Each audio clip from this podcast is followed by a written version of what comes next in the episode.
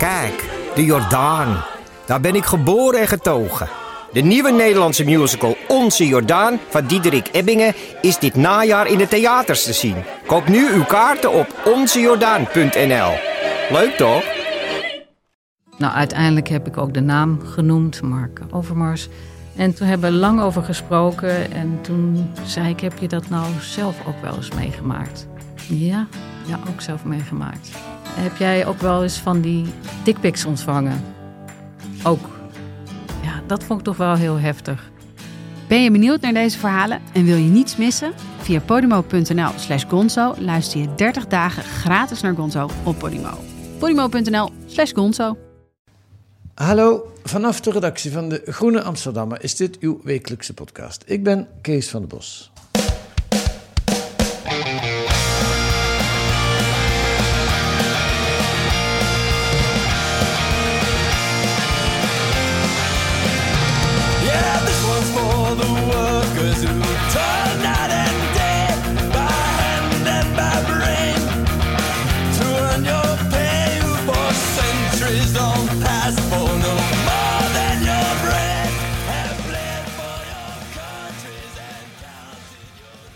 Evert, wat luisteren we naar?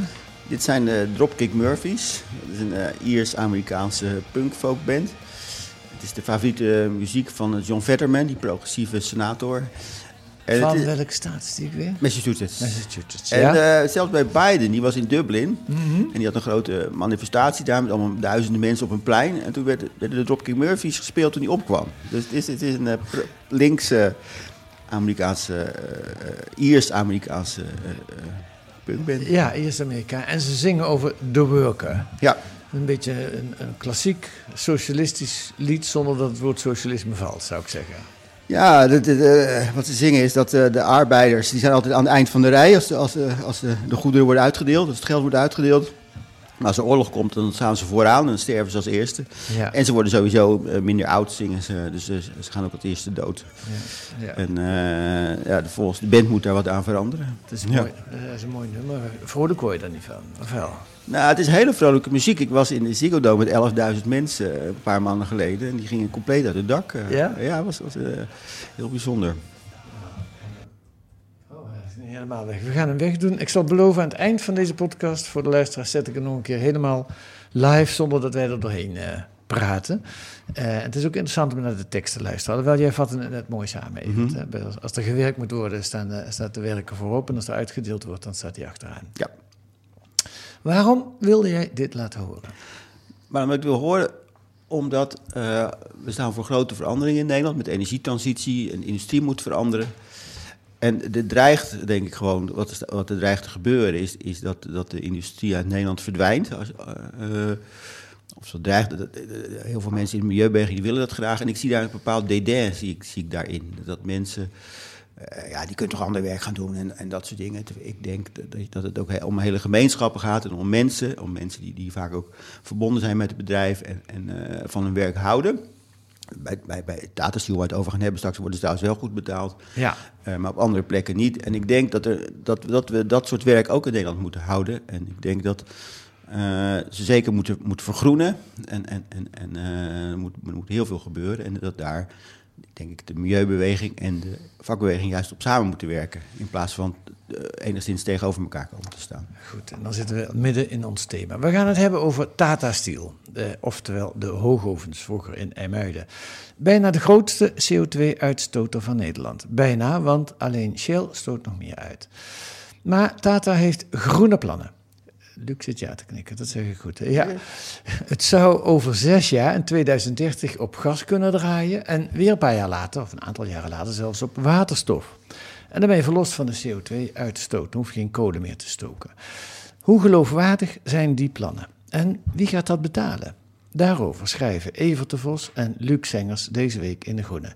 Evert, hoorden we al net even. Eh, Luc, wat vind jij eigenlijk van dit lied? Want je hebt nu een heel klein stukje gehoord. Nee, ik dacht bij The Worker Fischer Z. Dat is meer mijn, eh, mijn eh, achtergrond. Aan wie? Fischer Z?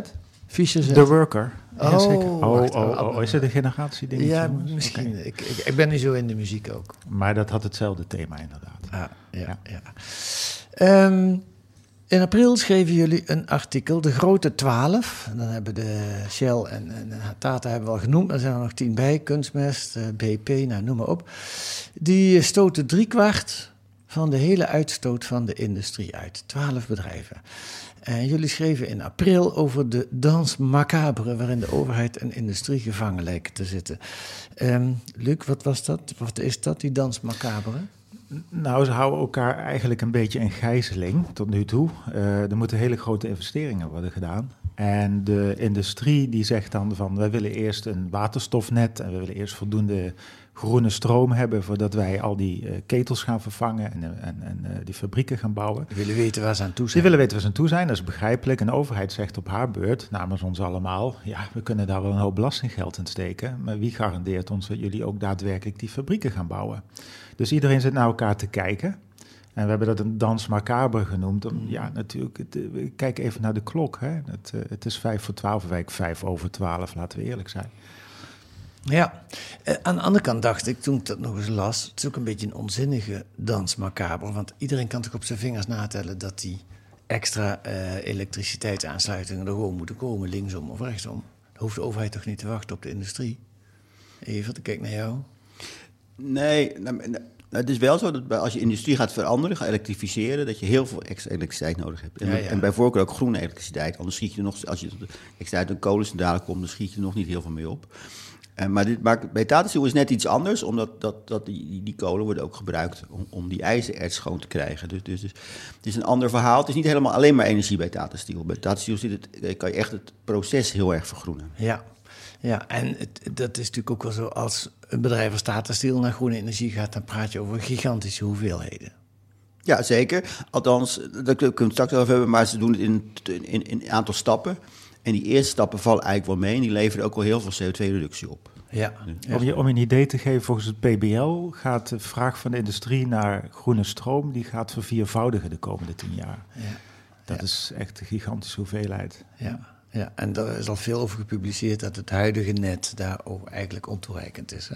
Maar in dit geval van, van jullie artikel, van dat verhaal, dat was wel redelijk dramatisch. In, maar, die, die industrie moet wel voorop lopen in het En, en er is tien jaar niks gebeurd. Nee. Ze hebben gewoon na Parijs gewoon zitten wachten Ja, en, en kijken of het naar ze toe kwam. En, Ja. en er komt ook, omdat al die Europese systemen, dat ETS en zo, dat, dat, is nog niet, dat heeft heel lang niet gefunctioneerd. Dus, dus het zou zijn worst wezen, financieel gezien ja. natuurlijk. Nou ja, dat vond ik wel een andere eh, opkikker van dat interview in april, dat ETS. Dat is dus het emissiehandelssysteem, waarbij als je CO2 uitstoot, je per ton moet betalen. Of als je het niet uitstoot, dan kun je het ook verkopen. Het is een ingewikkeld systeem waarbij, waar Hoogovens ook, eh, of Tata Steel goed aan verdiend heeft in het begin. Zeker, ja. Maar dat, dat lijkt nu te gaan werken. Dat wil zeggen, die prijs voor een ton CO2, die begint serieus te worden.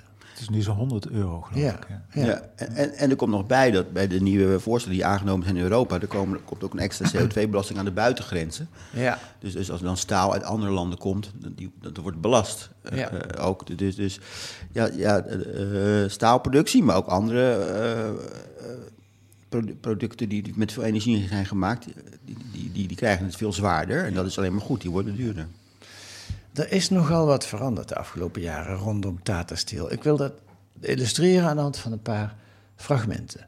Eh, het eerste is van Extinction Rebellion, die eh, niet alleen afgelopen zaterdag op de A12 zaten, maar die elke eerste dag van de maand, dus ook gisteren, nee, het is vandaag, of morgen, eh, voor de poort van Hoogovens zitten.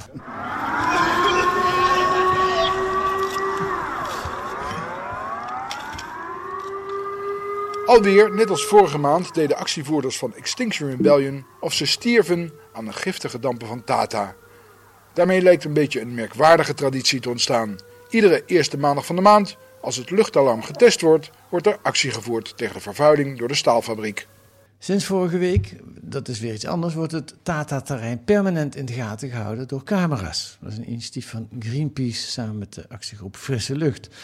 Op stopdegifwolk.nl kan nu elke burger melden als er een groene, eh, nee, gele, bruine of zwarte wolk, groen komt niet zo vaak voor, uit de fabriek komt. Met name de Kooksfabriek 2 is eh, berucht. Eh, er worden ook toxic tours georganiseerd. Op het eh, NH eh, Nieuws was een aantal jaren geleden eh, dit fragment te horen. Sonja Hofland veegt haar tuin nog eens bij. Het ligt vol met troep afkomstig van Tata Steel hebben nog steeds meer. Afgelopen vrijdag had ze haar tuin voor het laatst schoongemaakt. Dit is dus van één weekend. Ja, En dit komt allemaal uit de lucht vallen. ja, En dat komt allemaal van Tata vandaan. dat komt allemaal van Tata vandaan. Wat denkt u als u, als u zo naar die, naar die hoop kijkt? Nou, dat mijn kleinkinderen hier niet meer mogen spelen. Shit. Vervelend. Een uitstoot. Weer. Ook de tuin van Sigrid van Gerven is vies geworden. Tien dagen geleden was er nog een professionele schoonmaakploeg om haar kozijnen schoon te maken. De ene keer word je heel boos, verdrietig. En de andere keer eh, is het zo en accepteer je het. Het lijkt al nu alsof je het accepteert. Ja, nou niet altijd. Van het weekend was ik echt boos. Ja. En ik vraag me af of eh, de directeur in eh, India zich er zo druk om maakt. Ik denk het niet. Heren, de koptelefoons eh, mogen af wat mij betreft. Want, dit was het laatste fragment voor vandaag. Maar wat het illustreert is, er is echt de laatste jaren wel iets veranderd hè, rondom Data Steel. Ja, en, en heel, heel erg goed dat bewoners eigenlijk. Die klaagden al heel veel langer, maar die hebben eigenlijk van gezegd: ja, het is niet bewezen, we kunnen niet, het blijkt niet uit de cijfers, noem eens maar op. Ja, ja. En nu is, eh, is duidelijk dat het wel bewezen is. De, de, de omgevingsdienst, die eerst eh, liefst de andere kant op keek, die doet nu ook metingen wat op de grond ligt. Er zijn die camera's. En dus, dus de bewoners die protesteren tegen die, die enorme vervuiling die, die er is. En ook, ook cijfers blijkt dat de kans op sommige kankers 50% hoger is Ja. dan in, in andere delen van Nederland. Ja, er- is echt iets aan de hand daar zo. En, en de mensen krijgen eindelijk, eh, na al die jaren, krijgen ze daar, daar genoeg weerklank voor. Ja. En, dan kunnen ze ook echt druk ook uitoefenen. Ja. Ja. En zijn ze nou eh, meer in actie gekomen de laatste jaren of wordt er nu meer geluisterd? Ja, Alle, allebei. Er zijn nu meer actiegroepen in, eh in Muiden of omgeving. En eh, ze voeren ook meer actie. Er hebben zich meer mensen aangesloten, ook mensen met geld en invloed. En, en je ziet, de, de Greenpeace heeft zich aangesloten. Dat is een hele belangrijke stap. Eh, dus denk allebei. Ja, ja. ja, en als je erin verdiept, het is tamelijk onzinnig. De speeltuinen in, in, in, in die elke week gepoetst worden op kosten van, eh, van eh, eh, Tata Steel. Wat natuurlijk heel aardig is, maar waar wat er natuurlijk achter zit, ja, dan laat je je kinderen niet meer met die rust Nou, spelen. we, we spraken dus met bewoners op die Toxic Tour, waar Even en ik ook, ook aan meege, mee geweest zijn. Ja, En die zeiden dat andere ouders zich daar dus niet zo druk over schijnen te maken. Die gaan dan niet demonstreren. eh, en, maar dat is als je doorvraagt, als je met die mensen praat, omdat ze eigenlijk het niet willen weten. Dus die kinderen spelen in die rotzooi, het ligt in hun tuintjes, in de speeltuintjes. Maar het is het gewoon te erg om je te realiseren, want je kan het niet veranderen. Dus Ja. die mensen, het lijkt alsof ze een kop in het zand steken, maar eigenlijk beschermen ze zichzelf tegen het hele eh, ja, zwarte nieuws eigenlijk. Dat is ook een manier om ermee om te gaan. Ja, maar een hele begrijpelijke manier Ja. misschien. Ja. Ja.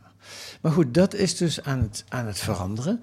Ehm, eh, of is erg veranderd. De Onderzoeksraad voor Veiligheid heeft in april van dit jaar een, eh, een belangrijk rapport uitgebracht. Waaruit ze, waarin ze concluderen dat tot drie jaar geleden er eigenlijk helemaal niet geluisterd is naar, eh, naar de bewoners. En, en dat, dat, is, dat is al erg. En ook erg is dat de fabriek nog steeds giftige stoffen uitstoot, maar dat dat gewoon mag binnen de vergunning, constateert de onderzoeksraad. Met andere woorden, het is overtreden niet eens altijd de vergunningen. En ze hebben een hele een zeer ruime vergunning hebben ze Ja. gekregen. En dat zie je bij heel de industrie, dat ze natuurlijk in, in lobby heel erg goed zijn. Dus dat hebben ze van tevoren wel geregeld natuurlijk. Dat het, eh, de vergunning is zo ruim dat, dat je... eh, eh, ja, je, je, je kan vanwege overtreding van de vergunning... kan je ze in ieder geval voorlopig nog niet aanpakken. Nee.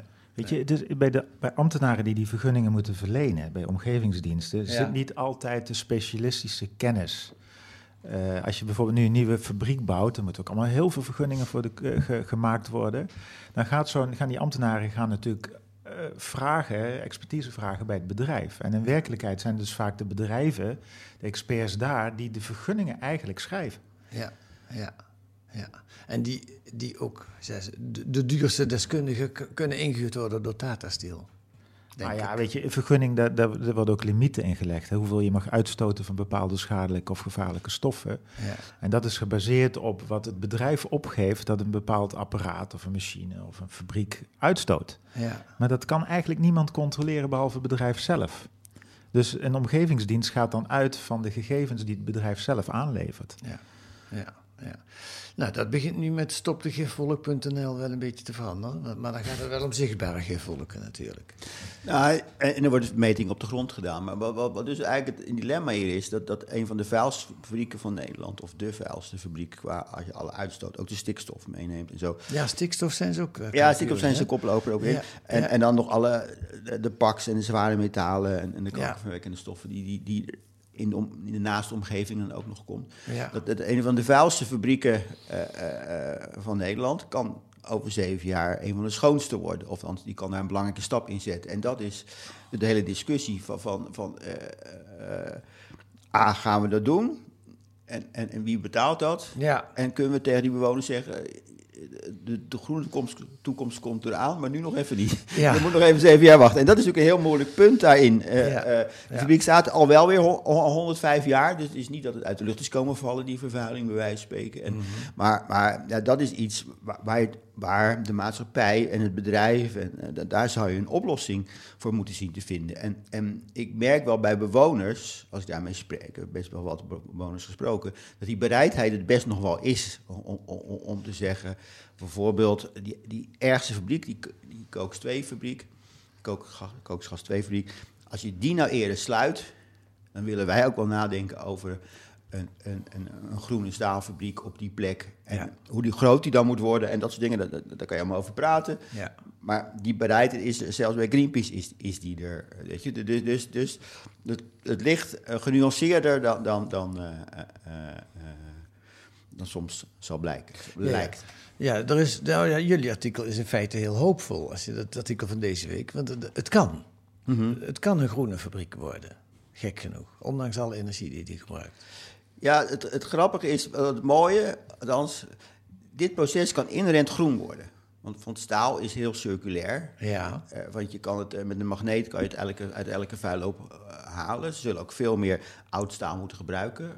Eh, dat Gebeurt dat nu op grote schaal eigenlijk? het nog, nog niet veel, bij 15% begreep ik het nog. En het kan, het moet voor de Kamer moet het in 2030 naar, naar een, is een motie is gisteren aangenomen, het moet het voor naar 50%. Hm. Dat is ook technisch haalbaar. Dus, dus, dus dat, dat moeten ze dan organiseren, zou je zeggen, bij- bij, bij, bij Tata.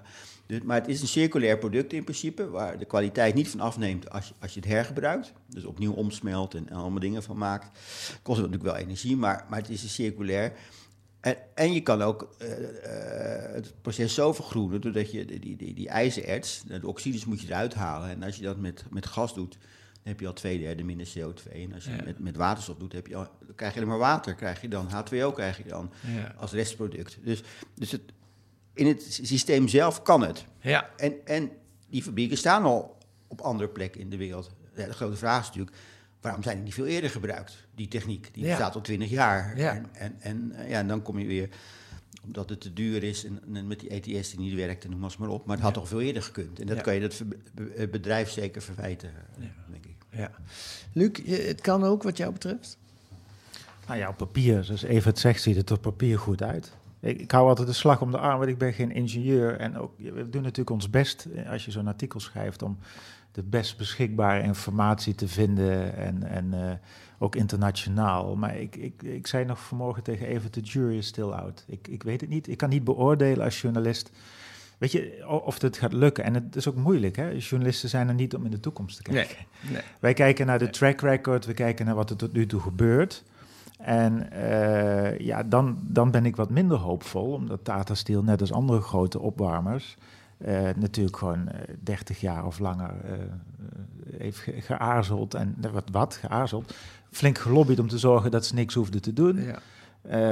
En waarom zouden ze dan nu ineens binnen tien jaar een hele groene fabriek neerzetten? Dus het zit hem bij mij, wat mij betreft niet zozeer in de techniek, de twijfel, als wel in de werkelijke bereidheid en ook in de slagkracht van de overheid om dat proces in goede banen te leiden. Want daar heb ik ook Ja. nog niet, Nou, ben ik niet van net- overtuigd. Dat wil ik net zeggen, want je kunt wel twijfelen aan de bereidheid van de fabriek, maar daar hebben we toch de overheid voor om, om de industrie Ja. dan te dwingen. Dat zou je zeggen. Dus in- we hebben in Nederland natuurlijk een industriepolitiek, al, al, die is altijd geweest. Dat is ook heel zinnig.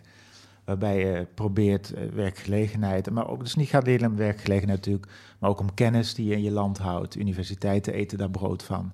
Eh, andere bedrijven hebben daar eh, leveren. Of, eh, dus dat is een heel cluster eigenlijk wat je niet kwijt wil in je, in je land. Maar ehm, eh, wat wou ik nou ook weer zeggen? Wat, Nou, de overheid, die moet toch... Oh, die die, overheid, kan, ja, die die- kan nog regels stellen. Nou, die overheid die, die faciliteert dat allemaal. Dat is industriepolitiek. Dus we, we zorgen dat er kennis van universiteiten komt. We zorgen dat je in contact wordt gebracht met andere bedrijven in jezelfde cluster.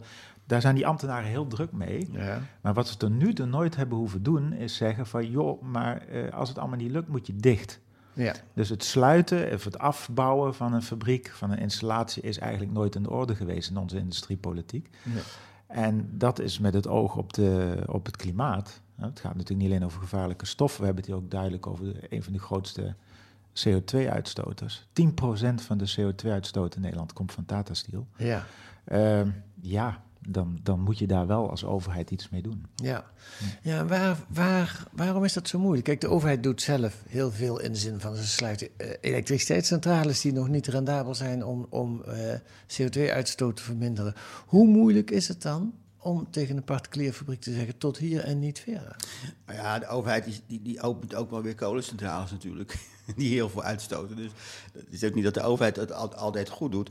Ja, we hebben het heel lang geprobeerd met systemen eh, door de invloeding van de markt het, zo voor elkaar te krijgen. En Ja. dat is niet gelukt. En, en er wordt nooit een, eh, geld in de vergunning ingetrokken en dat soort, soort dingen. Ja, maar die systemen, dat hebben we net ook geconcludeerd, die ETS bijvoorbeeld. Ja, dat werkt niet. Maar- Dat was gewoon een, bijna een soort lobby van de industrie om nog een tijd door te kunnen gaan. Hè? Op, op papier werkte dat en in de werkelijkheid werkt het Nee, voor geen meter. klopt. Wat wel zo is, dat ik, ik heb, we hebben het stuk, eh Luc heeft, heeft vooral met milieu en de overheid gepraat. En ik, vooral met, met mensen eh, van, van Tata Steel. Ja.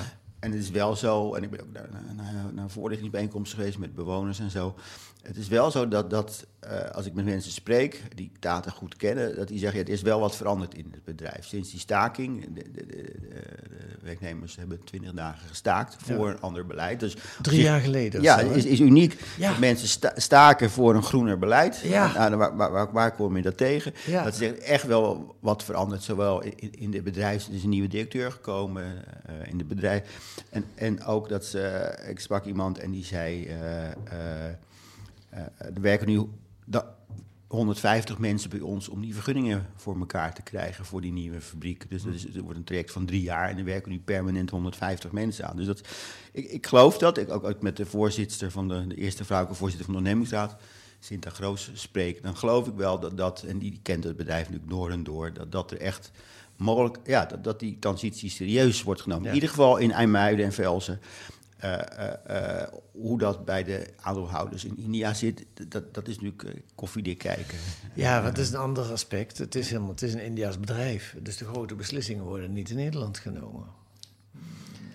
Maar begrijp ik goed dat jij, want jij, jij eh, krijgt ook een bepaalde blije blik in je ogen als je daarover spreekt. Even, Mhm. Jij gunt het de mensen die daar werken dat het gaat lukken, omdat ze dan hun werkplek kunnen behouden. Ja, het zijn, er zijn 9000 mensen. En eh, als je ook daar in Velsen komt en zo, de hele, alle sportverenigingen worden gesponsord. Het is, het is wel een community. En die wordt wel minder, want vroeger werkten 20.000 mensen. Dus je ziet dat in de omgeving de draagvlak afneemt. Ook omdat er minder mensen werken eh, bij, bij Tata Steel. Maar 9000 bij het bedrijf zelf en nog ongeveer zo'nzelfde aantal eh, in, in, in, in toeleveringsfabrieken. Dus best een gemeenschap.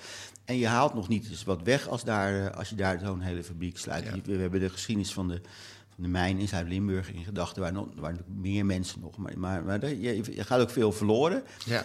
En ik denk ook gewoon dat we ook een, een deel van de industrie in Nederland moeten houden. Dat we niet Ja. alleen een dienstensector kunnen worden.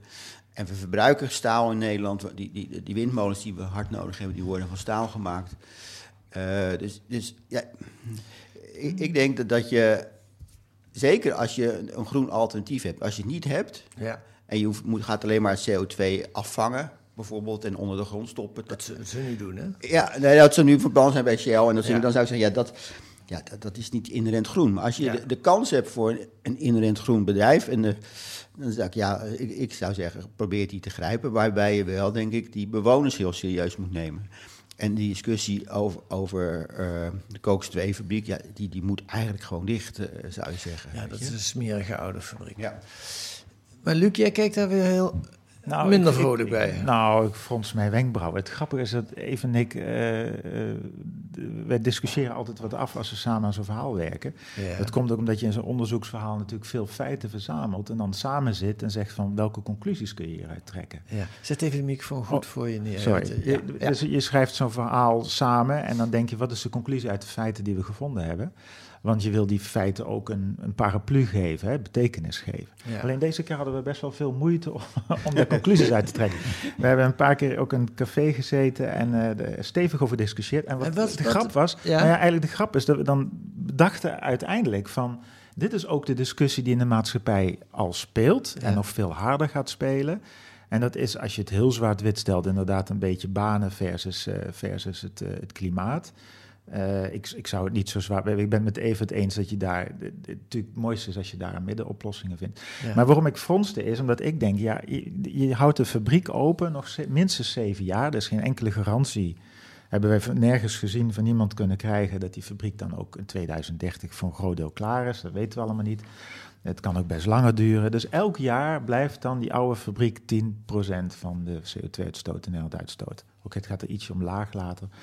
Maar, eh, en dan kan ik ook best begrijpen dat zo'n Greenpeace of ook Milieudefensie zegt van... ja, maar jongens, wil je daar dan op gokken? Want dat is een hele dure gok die je neemt. Want eh, het zijn twee verschillende dingen. Hè. Je een nieuwe fabriek bouwen, daar kun je optimistisch over zijn. Zeggen, laten we het proberen, hè, want we moeten toch naar een groene toekomst. Dus dat kan ik volgen. Maar wat gebeurt er met die oude fabriek? Dat is verhaal 2. Laat je die dan net zo lang gewoon door emmeren. En dan heb je dus een hele hoop CO2-uitstoot. En ja, laten we eerlijk zijn, zoals de situatie nu is. Het sluiten van zo'n grote fabriek, zo'n grote opwarmer, is een enorme opsteker voor het klimaat. En dat Ja. kunnen we heel goed gebruiken. Dus dat standpunt van de milieubeweging begrijp ik ook heel goed. Dus de discussie is dan over de verschillende standpunten zijn dan... Als je vanuit het milieu kijkt, dan is het, hebben ze de kans gehad. eh, het is klaar. eh, er- er komt veel te veel rotzooi in de lucht. Veel te veel CO2, veel te veel andere spullen. Ja, als je er een eind- stoffen hebt. Ja, Ja. ja, maak er een eind aan. eh, en, en, en, en, laat, en, en jij zegt dan tegen Evert, stel ik me zo in het café... jij laat je verleiden door die mooie praatjes van... Nou, heb ik dat zo gezegd? Ik hoop het niet. ik hoop het Nee, niet. maar, maar dan komt het wel op neer zoiets. Dat jij gelooft nog dat het veranderd kan worden. En, jij, en, en jij kunt dat ook niet helemaal uitsluiten, maar je zegt, ja, ik weet het niet zeker. Nou ja, ja, nee, ja, zo ging het wel ongeveer, denk Nou ik. ja, we wel uur, gegaan. uur aan de lijn Ik Ik kan me nog kan Ja, me ja, herinneren. veel meer dan bij andere verhalen. Maar dat is ook heel goed. Nogmaals, ik denk wat de discussie die wij als journalisten dan kennelijk onder elkaar voeren, is een discussie die we in de maatschappij gaan zien. Ja. En, en die ook gevoerd moet worden. Want ik zie dus, wat ik fijn vind om te zien nu, is ook een leermoment uit dit verhaal, is dat de maatschappij dus de directiekamers binnendringt. Niet Ja. omdat ze uitgenodigd worden, maar ze dringen gewoon naar binnen. Ja. Eh, om, een bedrijf is natuurlijk niet alleen maar aandeelhouders en een directie en een paar werknemers. Een bedrijf is veel meer. Je hebt leveranciers, je hebt consumenten, je hebt omgeving. Ja. Eh, dus al die stakeholders in zo'n bedrijf, die zijn eigenlijk afgelopen, nou even het ook zeggen, afgelopen decennia verwaarloosd. Ja. Omdat de eigenaar of de grote aandeelhouders dachten dat het bedrijf een speeltje van hen was. ja, en dan kom je ook... En nu op- komen ze terug. Nu Ja. zegt de maatschappij, ja, maar wij hebben ook invloed en we hebben ook nadeel en voordeel van zo'n bedrijf. Ja, en er is de laatste jaren, wat we al geconstateerd hebben, ook wel heel wat veranderd. Ze komen er niet meer zo makkelijk mee weg met, met, de, met de mooie praatjes. Er moet wat gebeuren. Ik wil het nog over geld hebben, want dit kostte allemaal miljarden. ehm, eh, en die moeten voor een deel, eh, wil, wil het bedrijf in elk geval opgebracht worden door de overheid. Die moet het subsidiëren. Ja. In, in Europa zie je dat ook, bij andere staalbedrijven in andere landen gebeurt dat op, op grote schaal.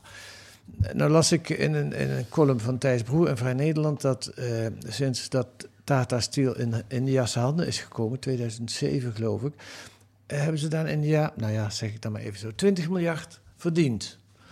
Eh, is, het dan, is, het dan, is het dan, hoe logisch is het dan om ze nu een miljard of twee te geven op de vergroening? Ik denk dat 20 jaar dat het wereldwijd is wat ze hebben Ja, dat denk ik ook, ja. Niet Want- alleen want- de Want als je ziet wat... wat kijk, ah, dat denk ik ook. Ja. Het is, het is, het is Hebben ze niet in de hoogte. Nee, hebben ze niet in Europa verdiend. En, het, het, Maar dat doet niks af van jouw punt trouwens, Maar je had hoor. Tata Nee, Steel Europe had je natuurlijk. En, en, en, en, die, en Engeland was verliesgevend, Nederland was meestal winstgevend. En Ja. dat, dat, eh, nou ja, Ja. Dus het is moeilijk weer te geven wat, wat echt vanuit eh, IJmuiden naar, naar India gaat. Dus is bijna niet uit te rekenen. Wat natuurlijk wel zo is, maar dat geldt voor de hele industrie. Dat ze de boel eh, opgewarmd hebben met, met z'n allen. En, en de winst is naar de aandeelhouders gegaan. Dat Ja. is, of nou Shell is of Tata Steel, dus voor, voor de hele industrie. Ja. En nu ga je de vervuilers subsidiëren om Ja, daarmee op dat te is, dat, is heel, dat is heel pijnlijk, denk ik. eh, eh, ehm, en daar moet je ook goede voorwaarden aan stellen en zo. En je moet eh, in Europa bijvoorbeeld zie je nu dat ongeveer de helft eh, eh, wordt mee, bij, meebetaald door de overheid. De- de- de- als je dat doet, dan heb je ook in ieder geval in Europa een level playing field voor Ja. al die, die staalindustrieën. Ja. Dus je moet aan voorwaarden doen en je moet er het gelimiteerd eh, doen, denk ik. Ja. Maar als je industrie wil, ja, Als je ze wil behouden. als je die wil behouden en snel wil laten veranderen. Want wat voor machtsmiddelen hebben we om, om, om ze te sluiten? Die zijn er nu niet in ieder geval. Dus je weet hoe, hoe, hoe- gaat het langer door. Ehm, dan Kan, de overheid er kan er wel vergunningen intrekken natuurlijk. En ze kan onteigenen. Ja, maar dat is nog nooit gebeurd. eh, Ja, maar het kan wel. En dat is, dat is een beetje mijn punt. Van, we zitten in, in, in, in een, in een fase die niet te voorspellen is. Hè? De, de- de- een soort overgangsfase. Het is inmiddels een cliché, maar daarbij... Ja, de- als we al honderd jaar dezelfde eh, politiek voeren, eh, dus industriepolitiek... moeten we dat de komende honderd jaar op dezelfde manier doen? Of vraagt de nieuwe omstandigheden om nieuwe middelen?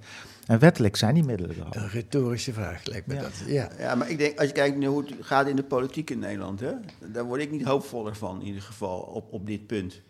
Dus, dus ik denk, als je dingen wil veranderen, dan zou- dan, dan zou ik mijn, mijn, mijn kaarten zetten op sociale bewegingen. En, en als de, de, de, de, de, de, de, de vakbeweging en, en de milieubeweging samen dingen kunnen doen, dan kan je denk ik zo, maatschappelijk wel dingen voor elkaar krijgen. Ja, dat ben ik wel met je eens. Ja, je ziet trouwens ook de grootste verontwaardiging trouwens, Kees, over die, over die, eh, die, onge- die ongelijkheid. Die lokt de meeste verontwaardiging uit. Dus die bedrijven doen niks en wij Ja. moeten heel veel doen om, eh, om eh, onze voetafdruk te vermijden. Zag je ook ons laatste verhaal, Mhm. heel veel reacties op sociale media. En eigenlijk kwam die allemaal op hetzelfde neer. Waarom zij eh, niet en wij wel? Ja. Ja. En je zag het ook bij Extinction Rebellion, die zich helemaal richt nu op die fossiele brandstof of die fossiele eh, Subsidies. subsidies. Ja.